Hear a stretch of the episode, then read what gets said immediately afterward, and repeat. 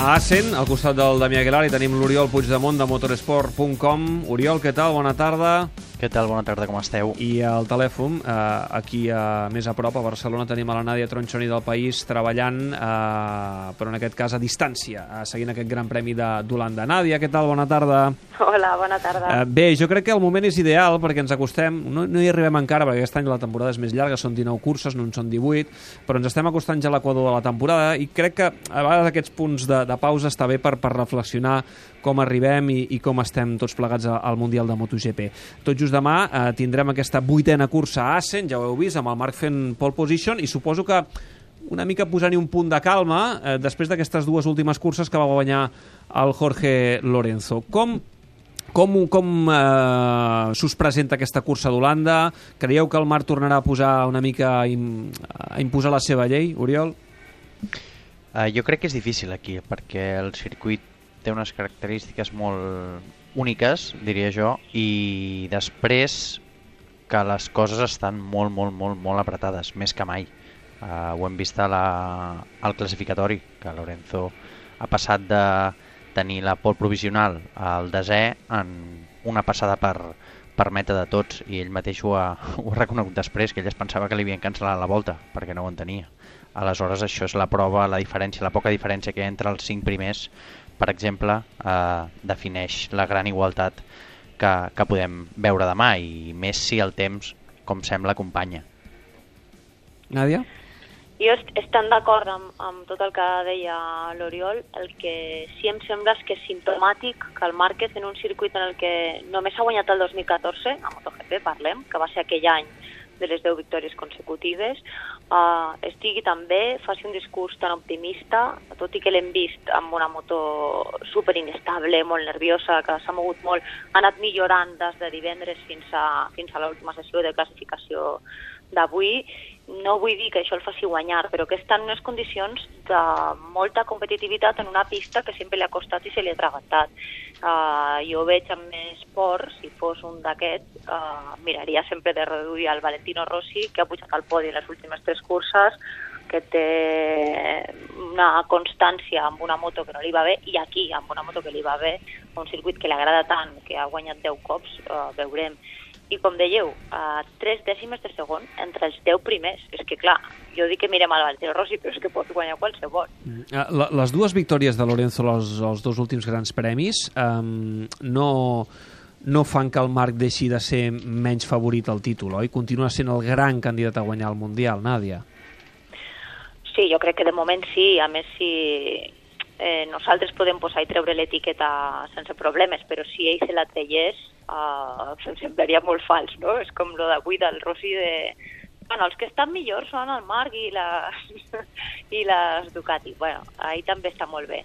Segueix sent el favorit, entre altres coses per això que dèiem, que, que aquest any en circuit en els que normalment els darrers anys li costava molt, perquè patia molt, amb l'acceleració de la onda i amb aquesta inestabilitat que pateix moltes vegades, ho ha fet molt bé, per exemple, a alemans. No? Llavors, si ho ha fet molt bé en pistes que no li són favorables, quan es troba còmode, bueno, va no sobrat, però va molt bé. Pot mm, jugar mm, clar, amb, amb, amb penseu, cursa Penseu en aquesta màxima de Márquez, no? La, ell, ell, ell es marca els circuits, això com deies tu, Nàdia, no? Ell es marca els circuits que li van bé durant la temporada, per exemple, Alemanya el té marcat per, per d'aquí 15 dies, i després hi ha uns altres circuits que, que els marca per la competència. Allà on ell pugui posar en dificultat a la competència voldrà dir que les seves opcions de títol mundial sempre seran eh, molt més altes i per això eh, jo crec que està ell està somrient, com sempre, eh, però compte, eh, els està costant molt. El seu equip està treballant una barbaritat, la moto es belluga molt, i jo cada vegada que veig, veig, veig Márquez en general tots, eh, però veig Márquez fent eh, aquestes voltes que fa eh, llançades en aquest circuit, la veritat és que posa la, la pell de gallina una mica. Eh? Mm, demà jo crec que veurem una, una cursa molt oberta. Nàdia, volies dir alguna cosa? No, no, estic totalment d'acord amb, el, amb el Damià. El que passa és que patint li surt i altres vegades patint queia, no? L'any passat patint queia i queia molt i aquest any pues, no, no ho fa tant. Uh, per cert, um, després d'allò que... Ara sembla que hagi passat un munt de temps. Um, recordareu, eh? L'Argentina Gate, com, vaig, vaig, com vam batejar-lo aquí a, al Tot Gira, aquella uh, picabaralla dialèctica i aquell gran premi tan polèmic entre Rossi i Márquez. Això està... Vosaltres que coneixeu, que viatgeu amb els pilots i que, que esteu allà al paddock, això està superat ja? Jo crec que tot, tothom va aprendre, va aprendre bastant mm, d'aquell incident. I tant uns, en aquest cas el Marc suposo que va treure les seves pròpies conclusions de, dels riscos que, que volia o que podia o que havia de, de perdre eh, parlem de dintre la pista i jo crec que Valentino es va, diguem-ne, conscienciar o va prendre, sí, eh, va prendre la mesura de que millor havia sobreactuat massa i tot això ara, diguem-ne, jo crec que mm, cau pel seu propi pes. O sigui, no hi ha...